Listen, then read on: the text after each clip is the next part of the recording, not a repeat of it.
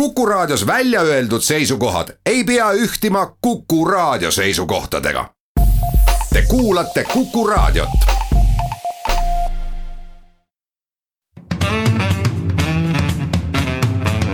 muuli ja Riikoja tere päevast, head kuulajad, kell on kaheksa minutit üksteist läbi, et on reedene päev, siis loomulikult ka saate Muuli ja Riikoja aeg ehk Kalle Muuli ja Hindrek Riikoja on stuudiosse tulnud. tere päevast. alustame tänast saadet äh, riigieelarve ja riigieelarve strateegia teemaga seis on pehmelt öeldes segane, kuigi valitsus on lubanud, et järgmise nädala lõpuks on selgus majas teiseks äh, räägime põgusalt äh, Europarlamendi valimistest, äh, teeme ka omad ennustused ja, ja vaatame, kes kui palju kohti võib seal saada. räägime ka Omnivast või õigupoolest mõttest, mis Omnivas liikumas on, et Omniva võiks loobuda vähemalt osaliselt inimestele kirjade ja ajalehtede ja ajakirjade kojukandest ja viia need hoopis pakiautomaatidesse. no neljandat teemat ma ei oskagi kuidagi sõnastada, uuringufirma Turu-uuringud on teinud äh, järjekordse uuringu sellest, palju võiks olla siis, ma ei tea, võimalike peaministrite või võimalike peaministrikandidaatide eh, toetus, igatahes on seal üles loetud erakonna esimehed ja, ja nendele mingid numbrid taha pandud. ja saate lõpetuseks räägime pisut ka sellest, et eh, kes siis võiksid olla ettevõtte signaalomanikud ja, ja miks on üleüldse see oluline teada. kas, eh, kes on selle omanikud ja kes on tegelikult kasusaajad sellest ettevõttest. muuli ja Riikoja kui ma ütlesin alustuseks äh, seda, et äh, kuigi tuleva nädala lõpuks peaks olema riigieelarve strateegia valitsusest mingisuguse kinnituse saanud. et asjad on segased, siis küsimus ei ole tegelikult ju mitte avalik, ainult avalikkuses ja, ja ajakirjanduses, vaid äh, tunnistavad koalitsioonierakondade esindajad ega ka koalitsioonile endale on segast ikkagi hirmus palju, alates sellest, et kui palju võiks siis langetada alkoholiaktsiisi, mis on olnud üks selline nii-öelda kiirem lubadus ja räägitud on lausa tähtajast, et esimesest juulist võiks see, võiks see langeda, siin välja on pakutud vahemikku viis kuni kolmkümmend protsenti, aga kuna ei ole ikkagi nii-öelda täit selgust ja täit arusaamist sellest, mida see tähendaks riigieelarvele. kuidas see mõjutaks aktsiiside laekumist, kui kaua tuleks kannatada tagasilööki ja millast, millal võiks ilmneda positiivne mõju, siis ei ole selles osas kokkuleppele jõutud. kuni selleni välja, et milliseid strateegilisi investeeringuid riik peaks tegema järgneva nelja aasta jooksul, mida üleüldse lugeda investeeringuks ja strateegiliseks, strateegiliseks investeeringuks. ja selles mõttes rahandusminister Martin Helme ütles muidugi õieti, õigesti, et me peaks endale nagu väga selgelt väga selgelt aru saama, et millised on sellised investeeringud, mis, mis toodavad nagu raha tagasi. ja mis on sellised, mida on nagu tore teha, aga nii-öelda riigile laiemalt, riigi majandusele laiemalt sellest mingit kasu ei ole, a la uued hooned mingitele asutustele ja, ja nii edasi ja, ja see, see mõte on õige, samamoodi on juba ju üksjagu positiivseid positiivseid noote kõlanud, kõlanud sellele mõttele, et riigieelarve koostamise aluseid peaks muutma. tegemist on siis selle nii-öelda paljude jaoks võib-olla segase sõnaga nagu tekkepõhine, tekkepõhine riigieelarve ja eks ta. eks ta tõsi on, et, et aastaid on ka sellest räägitud, et riigieelarve peaks ikkagi kajastuma kajastama neid kulusid, mida reaalselt tuleb teha ja, ja kui mõelda kõigile nendele iga aasta räägitavatele detsembrikuistele kulutamise rallidele, siis selle põhjus on ju olnud alati mitte nii väga selles, et nüüd riigiasutused kangesti tahaksid kulutada detsembris raha. vaid äh, seal on praktiline põhjus, et kui sa oled ühe riigiasutuse juht ja sa ennast avastad järsku detsembri alguses olukorrast, et sul on vähem kulunud raha, kui plaanis on olnud. siis äh, kui sa mõtled oma järgmise aasta eelarvele, siis kui sa seda raha ära ei kuluta, siis sa saad järgmise, automaatselt järgmisel aastal sisuliselt selle võrra vähem raha et, äh, et see aitaks ka näiteks selle vastu võidelda. Ehk, eh, ehk asi ongi ikkagi väga segane ja, ja, ja, ja selge see, et ei ole ei ole parlamendierakondades ja ei ole koalitsioonierakondades muidugi nüüd ka liiga palju seda tehnilist teadmist, majandusalast oskust ja kõike seda, et eh, kõiki peeneid eh, riigieelarve finesse neist aru saada noh, eks see oli tõesti naljakas, kui valitsus oli kaks päeva Vihulas koos istunud täies koosseisus ja riigieelarve strateegiat arutanud ja siis tuli teise päeva õhtul tuli kõikides meediakanalites sisuliselt üks ja sama uudis, et valitsus jõudis kokkuleppele selles, et viina hind peab langema et ja see oligi kogu nagu kahe päeva äh, siis äh, tulemus, mis ajakirjandus edastas, tegelikult on.... aga ka seal mitte mingisugust nagu selgust ega täpsust, et kui palju ta siis. ei no jaa, aga, aga kujutad ette nüüd valitsus nagu kahe päeva jooksul jäetakse nagu mulje, et ei, ei suutnud midagi muud teha, kui alkoholi aktsiisiga arutada. see on, me oleme jälle jõudnud sinna tegelikult, kus olime viisteist, aastal kaks tuhat viisteist, kaks tuhat kuusteist, kaks tuhat seitseteist, kaks tuhat kaheksateist, kus ükskõik, mida riigieelarvest räägiti, räägiti ainult alkoholiaktsiisist. et äh, tegelikult on see alkoholiaktsiis ju üks äh, kõige väiksemaid või tühisemaid küsimusi ka praegustes RES-i aruteludes ja, ja riigieelarve arutlustes. nii lihtsalt täpsustamise mõttes, et kas see on, kas sinupoolne jutt on nagu etteheide ajakirjandusele või? Äh, ma ei tee etteheiteid, ma äh, avaldan oma arvamust.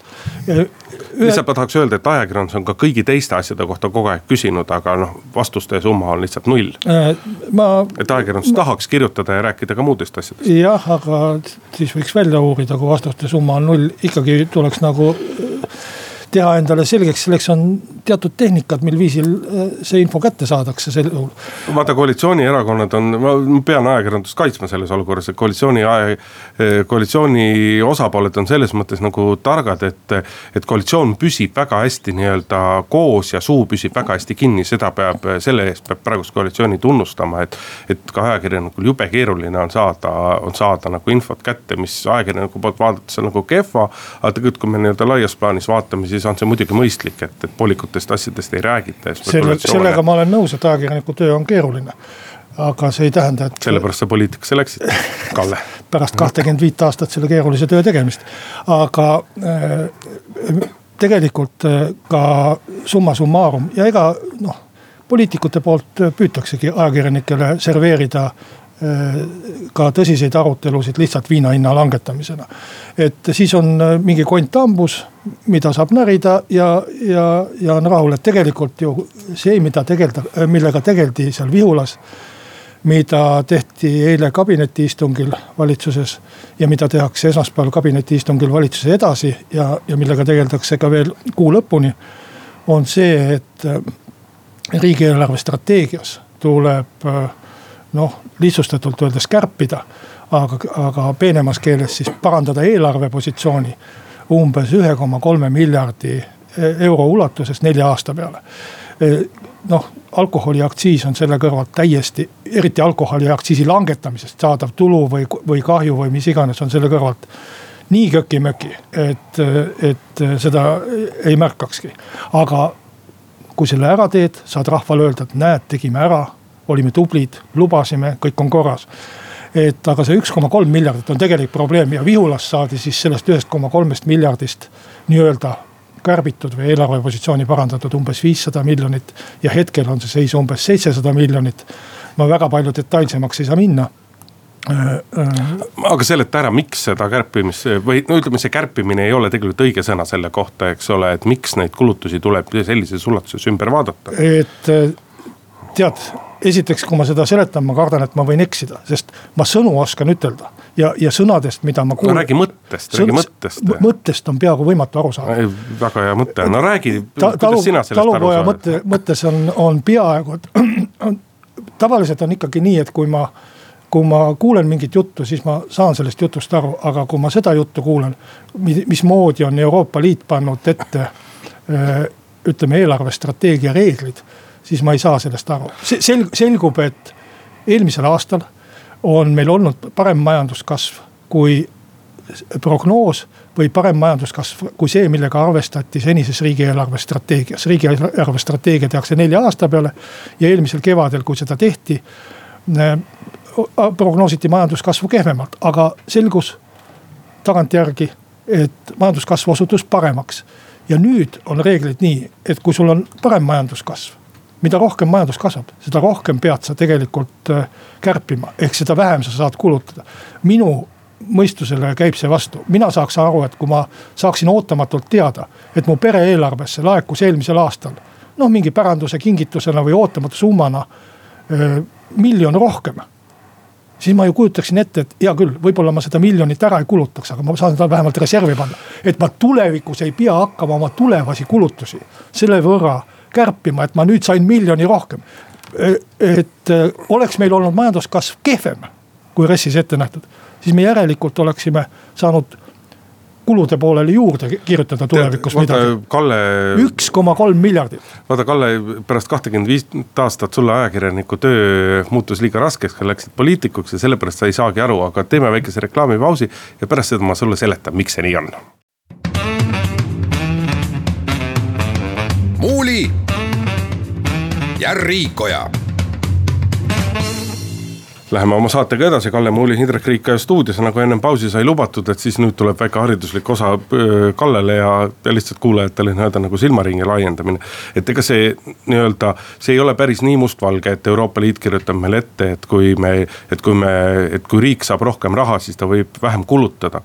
et see on ikkagi nii-öelda, see sõltub erinevatest valdkondadest ja, ja ta on pisut pisut detailsemalt reguleeritud, aga, aga olemuslikult on selle asja mõte ju selles, et kui me, kui me mõtleme siin viimasele kümnele, viieteistkümnele aastale, kui me meenutame eelkõige nii-öelda Lõuna-Euroopa riikide suuri majanduslikke kriise, siis äh, selle regulatsiooni mõte on selles, et kui majandusel läheb hästi ja riigid seeläbi teenivad äh, rohkem, siis hästi mineva majanduse ajal on nii-öelda vajadus riigi toe ja kõige selle järgi väiksem kui siis, kui majandusel kehvasti, kehvemini läheb.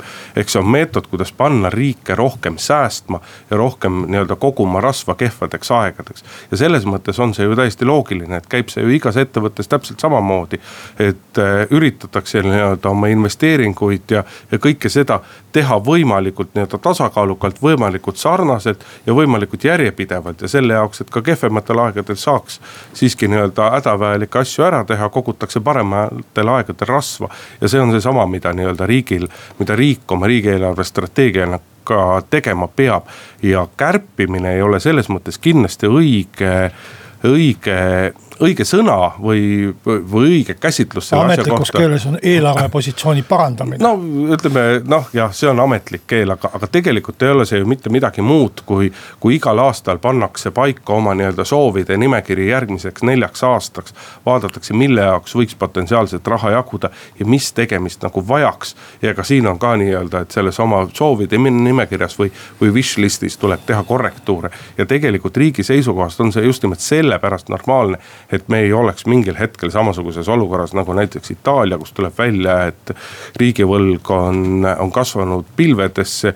riigil ei ole raha maksta pensioni tasuda oma rahalisi kohustusi ja nii edasi ja nii edasi ja nii edasi ja nii edasi. no eks ma natukene utreerin või mängin no,, mängin, no. mängin ka lolli, kui ma ütlen, et ma üldse millestki aru ei saa, aga, aga ja sellega süvendad lihtsalt kuvandit äh, poliitikust kui rumalast inimesest. aga eks see ole nii, et kui terve Euroopa Liidu jaoks on tehtud äh, ühesugused reeglid, siis mõnes piirkonnas äh, tunduvad nad sellised noh sellised virtuaalreaalsusega tegelevad, tegelevad, et Eesti riigieelarve seis ja Eesti rahanduse, riigi rahanduse seis on ju nii hea. et siin võiks kolmkümmend aastat äh, mässata ilma igasuguste reegliteta. no nüüd sa muidugi ilmselgelt nagu liialdad. ma saan aru, et nüüd saab ajakirjandus, ajakirjandus saab nüüd pealkirja. et absoluutselt, et, et, et Isamaaliit tahab kolmkümmend aastat riike majandada ja. ilma ühegi reeglita. ja, ja just, just. Postimehele või Delfile väikseks vihta. tegelikult, tegelikult noh me saaksime palju lihtsamalt hakkama. ja, ja, ja, ja palju lihtsamate reeglitega oma, oma reaalses olukorras ja olemegi muide siiamaani saanud palju lihtsamate reeglitega hakkama, et ega need äh, uued reeglid on ju üsna lühikest aega kehtinud, ainult mõned aastad. et kogu meie üheksakümnendate aastate majandus ja ka sajandi alguse majandus oli, oli ilma nende reegliteta ja oli, oli väga hästi paigas kõik et eh, ma, ma ei ole reeglite vastu, aga ma räägin sellest, et eh, tegeldakse tegelikult ju mingisuguse vee peale kirjutamisega. järgmisel aastal võib eh, selguda, et see majanduskasv tagantjärgi kahe tuhande üheksateistkümnenda aasta oma oli väiksem kui prognoositud ja siis me saame kõik need numbrid tagasi kirjutada, mis nüüd maha kärbitakse. aga tegelik asi on ikkagi riigieelarve, mis tuleb noh sügisel siis, kui ta esitatakse riigikogusse juba augustikuise majandusprognoosi alusel ja, ja see on siis selline tõsine dokument, et eks, eks siis näeb, palju seal on plussi-miinust või või, või, või nulli. no tegelik asi, mis, mis teeb kõiki neid arutelusid muidugi üksjagu keerulisemaks, on see, et. et ma mäletan, kui me siin sinuga vaidlesime koalitsiooni, koalitsiooniprogrammi üle ja selles, kui, kui palju konkreetsust on koalitsiooni kelle peal on see sõna, aga kuidas koalitsioonilepingusse, et kui palju on seal konkreetsust ja kui palju on seal selliseid mõtleme, vaatame, kaalume seame tähtsaks ja nii edasi, nii edasi, nii edasi. ehk äh, valitsus on tegelikult oma valitsemist alustanud sellega, et ei ole korralikku raamistikku ei ole, mille osas kokku, mille osas kokku on lepitud.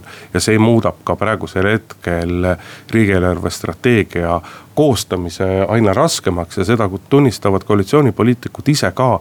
et kuna ei ole olemas mingisugust selget raamistikku, kuna ei ole olemas väga selgeid visioone selle kohta, et, et mida me igal juhul teeme ja mida me esimese hooga ei tee. siis sellest tulenevalt on ka keeruline, lisaks noh, on see eelarve tasakaalu küsimus, kus äh, EKRE ja Keskerakond on palju leebemad kui Isamaa, eks ole, kes seisab äh, suurema tasakaalu eest. küsimus on nendes samades investeeringutes, mida siis on igal juhul vaja teha, mida ei ole.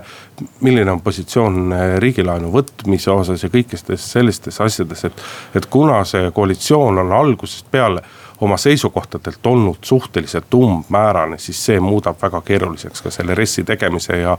ja mina isiklikult, kuigi esmaspäeval kell üheksa peaks valitsus taas kohtuma.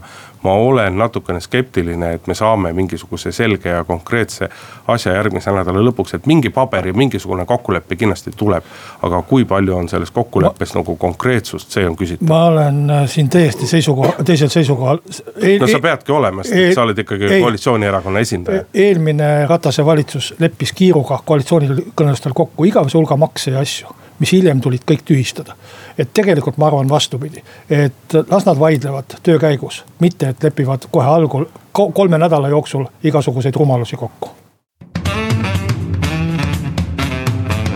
muuli ja Riikoja. Läheme oma saatega edasi, jätkuvalt stuudios Kalle Muuli ja Hindrek Riikoja ja räägime nüüd äh, postiveost. Äh, nimelt äh, riiklik aktsiaselts Eesti Post, kelle ärinimi siis on Omniva. selle juht äh, Ansi Arumeel käis nädalavahetusel ma ei tea, kas käis välja, viskas õhku mõtte, mis postifirmas liiklemas on, et arvestades, et postiljonne on keeruline leida, maapiirkondades lehtede, kirjade kojuvedu on kallis, et siis võiks tulevikus mõelda. noh, ammu on räägitud võimalusest, et võib-olla ei peaks perioodikat koju viima, mitte kuus päeva nädalas, vaid viis päeva nädalas.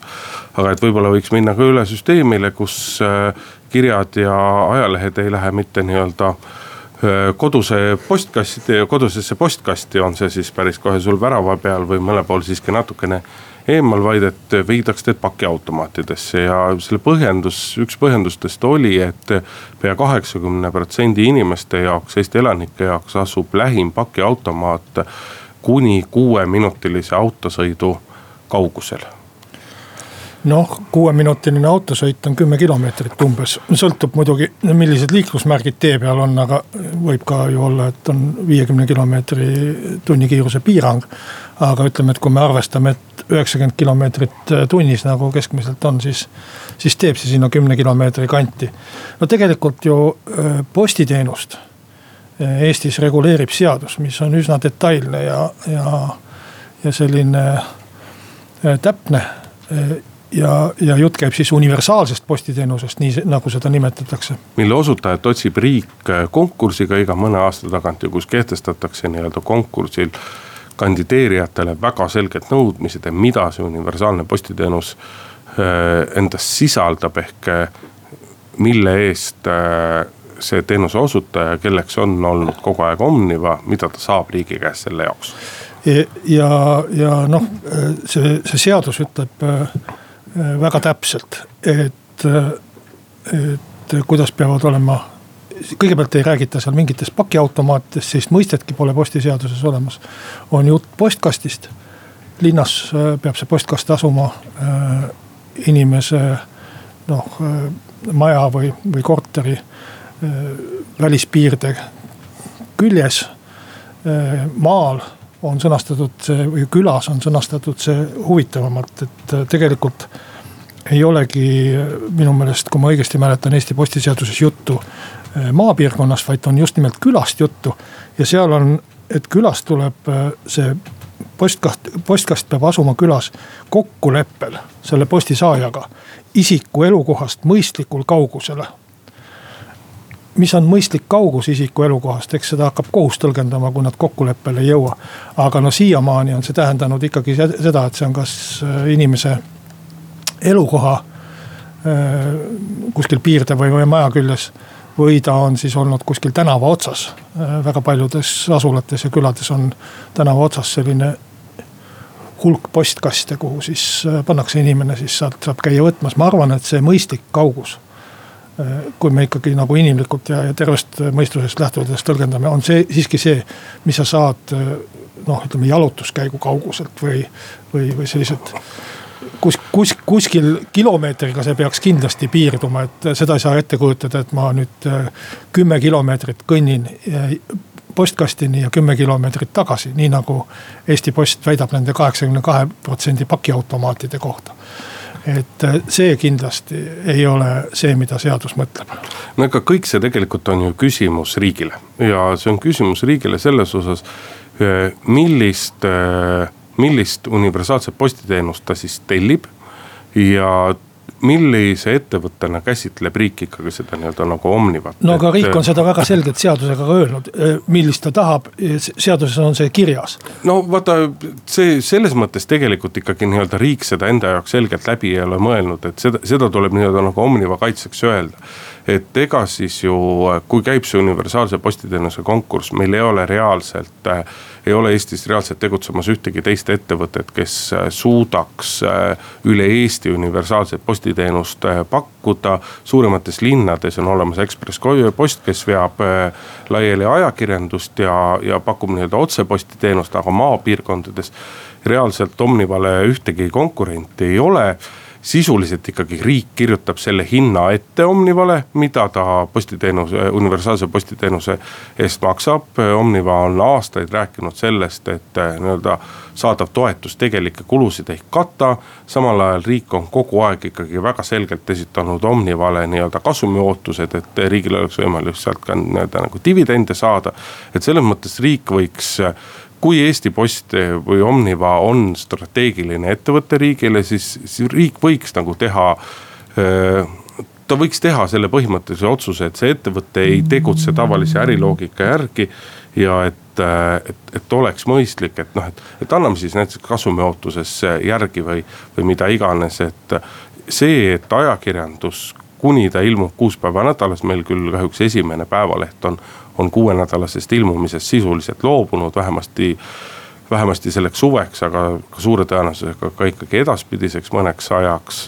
seni kuni ajakirjandus ilmub kuus päeva nädalas ja seni, kuni inimesed ikkagi jätkuvalt ka veel kirju saadavad teineteisele, siis oleks mõistlik, kui seda kuus päeva nädalas ka kätte saadakse. et muidugi Euroopas on riike, kus äh, veetakse posti laiali neli või viis korda päevas, aga on olemas riike, kes, äh, kus seda veetakse laiali ka seitse korda päevas. minu meelest äh, sa paned siin kaks asja ühte patta.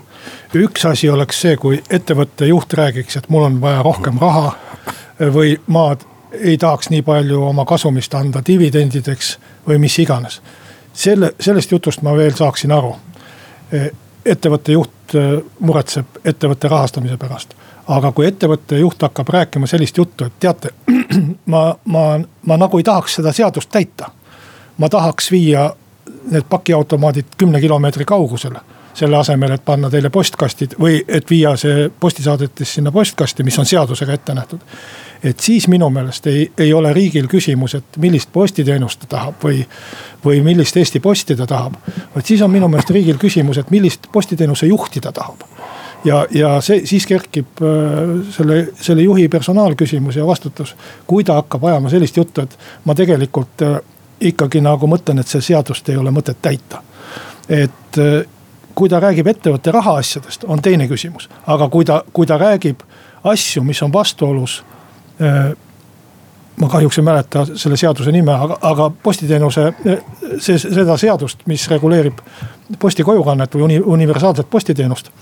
siis, siis see ei ole nüüd ettevõtte juhi pädevus, tema ei saa hakata poliitikuks, kes, kes ütleb, milliseid seadusi Eestis peaks tegema ja, ja, ja kui tema käest küsitakse sellist asja, siis, siis võib-olla tõesti. aga muretsegu siis oma ettevõtte rahaasjade pärast, rääkigu kasumist, rääkigu dividendidest, rääkigu öö, oma, oma rahast, mida riik peab talle andma selleks, et seda teenust osutada või mis iganes aga ta ei saa ütelda seda, et ma tegelikult seda teenust ei osuta, see on nagu üle piiri. Äh, no ma selles mõttes natuke nagu Ansi Arumäele kaitseks tahaks praegu välja astuda, et ega ta ei olegi ju ütelnud, et me hakkame nüüd nii tegema ja muu, muu meid ei huvita, et selle taust on ikkagi see, et. et, et Omnivas otsitakse kogu aeg võimalusi, kuidas nii-öelda teenida rohkem. kuidas kasumit, seadusest kõrvale hiilida. kuidas, kuidas teenida rohkem kasumit, kuidas ennast ära majandada. meil on tulemas ka uus universaalse postiteenuse konkurss, et et, et selles mõttes see on nii-öelda üks osa ja, ja ühest küljest on see loogiline, et ettevõtte juhid mõtlevad, kuidas paremini nii-öelda ennast majandada. ja kuidas osutada teenust niimoodi, et saaks ennast majanduslikus mõttes paremini majandada no. et selles mõttes on see ikkagi tegelikult vägagi küsimus riigile, et millist teenust tahavad nad oma ettevõtte käest saada. et mis on, mis on riigi ootused enda omanduses olevale ettevõttele, missuguse ettevõttega on nagu tegemist no,. ega kõneks on olnud ju ka võimalus seaduses ütelnud, kuhu tuleb see kiri viia ja on väga selgelt seaduses ütelnud, et perioodilisi väljaandeid tuleb viia koju kuuel päeval nädalas. et see oleks täpselt samamoodi, kui äh, Eesti Rahvusringhäälingu juht tuleks, hakkaks rääkima, et teate, raha on vähe, ma võib-olla kaks päeva nädalas saateid üldse ei näitaks. et kui ta räägib, et raha on vähe ja riik peaks talle rohkem raha andma, ma saan temast aru, aga kui ta ütleb, et ta kahel päeval või ühel päeval saateid enam ei näita.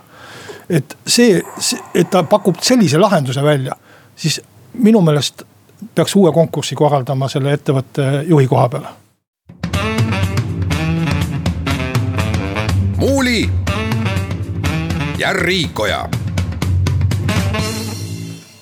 jätkame saadet, Euroopa Parlamendi valimised on juba käimas ja enne lõplikku hääletust on tulnud üks, üks viimaseid küsitlusi siis tänases Postimehes Kanter Emori korraldus, korraldatud, äh, mis näitab siis seda, et äh, järjekord on järgmine, Reformierakond kahekümne kolme protsendilise toetusega, sotsiaaldemokraadid kakskümmend üks. Keskerakond seitseteist, EKRE kaksteist, Isamaa üheksa. et need oleks siis parlamendierakonnad ja, ja ennustatakse siis, et Reformierakond peaks saama Euroopa Parlamenti kaks kohta, sotsiaaldemokraadid kaks kohta Keskerakond, EKRE üks ja, ja Isamaa üks juhul, kui tuleb seitsmene mandaat äh, pärast Brexitit ehk Suurbritannia lahkumist Euroopa Liidust. et äh, noh, see küsitlus tegelikult äh, näitab enam-vähem samasugust toetust, mis oli aprillis. aga muutused on ehk siis kõige suuremad Reformierakonnal, mis on siis oluliselt toetust äh, kaotanud viie protsendipunkti võrra. no seda ja, mitte aprilliga võrreldes, vaid mai algusega võrreldes. jah, mai algusega võrreldes ja, ja, ja natukene on kerkinud sotside toetus, teistel erakondadel on ta jäänud praktiliselt samaks seal pea piires äh, kõigub, et äh, noh, selline see pilt on ja sotsid siis põhiliselt Marina Kaljuranna oma kõige populaarsema kandidaadi toel on nii kaugele jõudnud, teistel on ütleme, see kandidaatide äh, jaotus võib-olla, et äh, ühtlasem, et ei ole nii suurt üleolekut kellelgi. sina oled oma nii-öelda valimistel oled osalenud juba? juba olen osalenud, eelmises saates sa vist küsisid. küsisin, siis, siis ma veel ei olnud, olnud, sellepärast täpsustangi üle. eks võtmeküsimus tegelikult on ikkagi selles, et äh, kui suureks koguneb, kui suureks kujuneb valimisaktiivsus. eel ja eelhääletamisel oli see kokku circa kakskümmend viis protsenti ja ja kui ühest küljest on nagu oodatud, et arvestades äh, senisest suuremat või viie aasta tagusega võrreldes suuremat aktiivsust, et ka kogu valimisaktiivsus võiks tulla suurem, siis. mina isiklikult seda ei usu, et tõenäoliselt juhtub sama, mis riigikogul, ehk siis lihtsalt nii-öelda valimispäeval valimas käinute arv on, on tunduvalt väiksem, kui ta oli viis äh, viie aasta tagusel ajal ja see kolmkümmend kuus koma viis protsenti, mis oli eelmise korra valimisaktiivsus, mina ennustan, et valimisaktiivsus seekord jääb pisut jääb pisut allapoole veel. noh ja..., sel juhul peaks äh, nii-öelda valimiste võitjad või suurimad äh, häältekogujad äh, võitma sellest, et, et väljatuleku korral või suurema valimisaktiivsuse korral peaks teistel erakondadel veidi rohkem neid hääli tulema proportsioonist. aga teeme väikse ennustuse ka, kuidas siis need kuus kohta jagus, jagunevad, alustame Kalle sinust.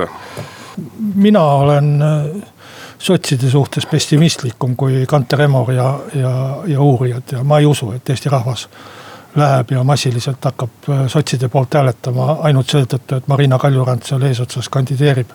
siin on, ma korra selles mõttes segan vahele, et vot siin on jällegi, mis nagu mängib, on see, et, et ühe hääle või ühe koha hind on nagu hästi kõrge, et äh, väga lihtne on tekkima olukord, kus kaks erakonda saavad väga sarnaselt hääli, aga üks ületab napilt kahe koha piiri ja teine jääb napilt kahe koha piirile alla ja nende häälte vahe võib olla mõni tuhat häält ainult, aga üks saab üks ja teine kaks mandaati. jah, et teiseks ma ei, ei, ei soovita ka tõsiselt võtta mingeid selliseid jutte, et noh, valitsusliidu poolt antakse nii palju häält ja opositsiooni poolt nii palju hääli, et need on ikkagi suures osas isikuvalimised, eh, persooni valimised ja kui me mäletame neid varasemaid valimisi, siis seal on igasuguseid eh, noh, ütleme selliseid eh, erakorralisi või anomaalseid või, või iseäralikke tulemusi saavutatud, kus üksikkandidaat on peaaegu saanud rohkem peaaegu kui ükski teine või ükski erakond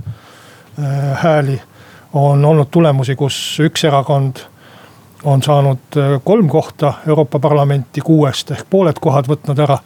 et, et kõiki selliseid asju on juhtunud üle, üleriigilises ühes ringkonnas ja, ja sisuliselt isikuvalimiste olukorras, nii et minu ennustus on äh, üsna lihtne ja seda on ka lihtne meelde jätta.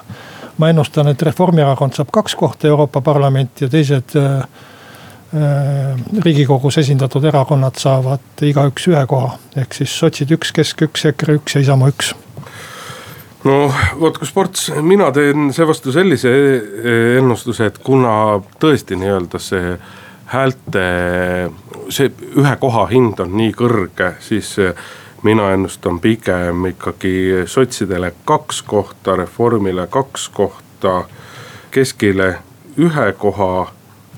vaata, et sul kohti nüüd puudu ei tule. jah äh,, niiviisi, et läksin sassi, sotsid saavad kaks, Kesk saab ühe Reformierakond saab kaks ja EKRE saab ühe koha ja nii tuleb kokku.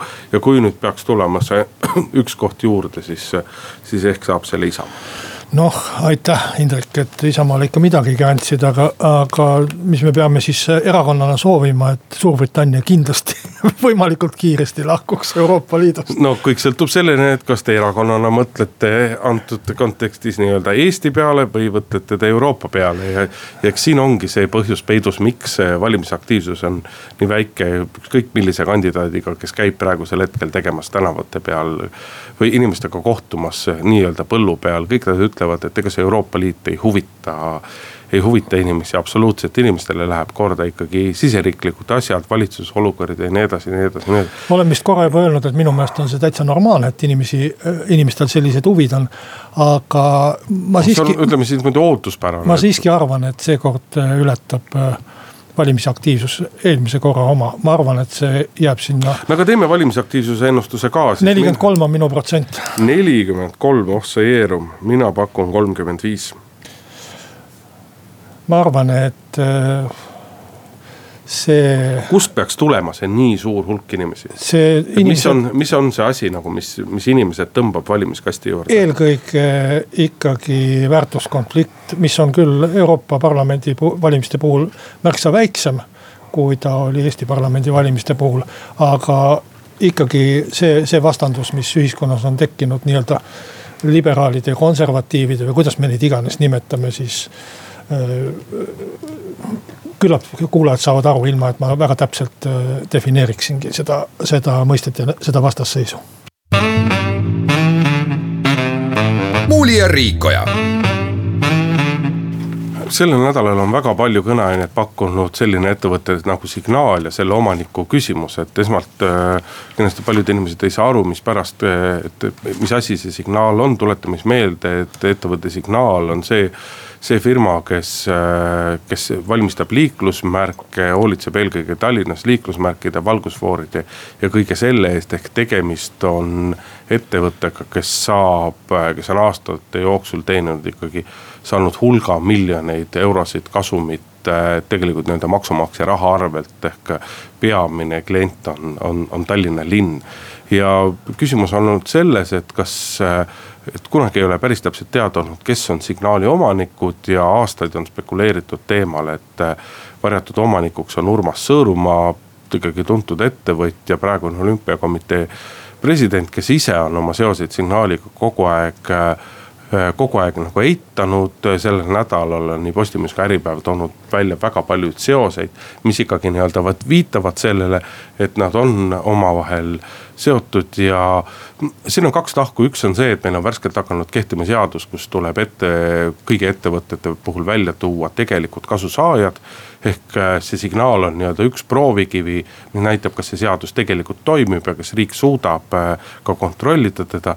ja teine pool on selles, et, et kui on tõepoolest niimoodi, et äh, Urmas Sõõrumaa on sisulik, sisuline kasusaaja signaalist. ma ei väida, et see niimoodi on, aga need kahtlused on üleval, siis on ikkagi ära ütlemata piinlik küll, kui Eesti Olümpiakomitee president, kes äh, seisab äh, ausa puhta spordi, aususe ja kõige muu eest ikkagi silmapaistev ettevõtja. kui ta on nagu aastaid lihtsalt avalikkusele, avalikkusele valetanud, et see on nagu kõige, kõige hullem asi. no ega aastaid ju ei ole ka tema käest küsitud, et see on alles nüüd viimastel nädalatel. ei ole kus, päris tõsi, ikkagi kus, aastaid kus, on erinevad ajakirjandusväljaanded seda teemat käsitlenud, kasvõi Äripäev. aga ma ei mäleta küll kordagi, et tema käest oleks otseselt küsitud ja ta oleks otseselt ikka, sellele küsimusele vastanud et, et see on nüüd viimastel päevadel on tõesti seda, seda tehtud. aga, aga signaal oli omal ajal linnaettevõte ja sealt ta erakätesse läks ja ma arvan, et kümmekond või, või paarkümmend aastat kedagi ei huvitanudki, kelle oma see signaal oli, et tol ajal olid sellised äh, hämarad seadused, mis võimaldasid ka mingil Panama firmal seda omada aga siinkohal tõmbame tänasele saatele joone alla, Kalle Muuli, Hindrek Riik olid stuudios ja nädala aja pärast jälle. muuli ja Riikoja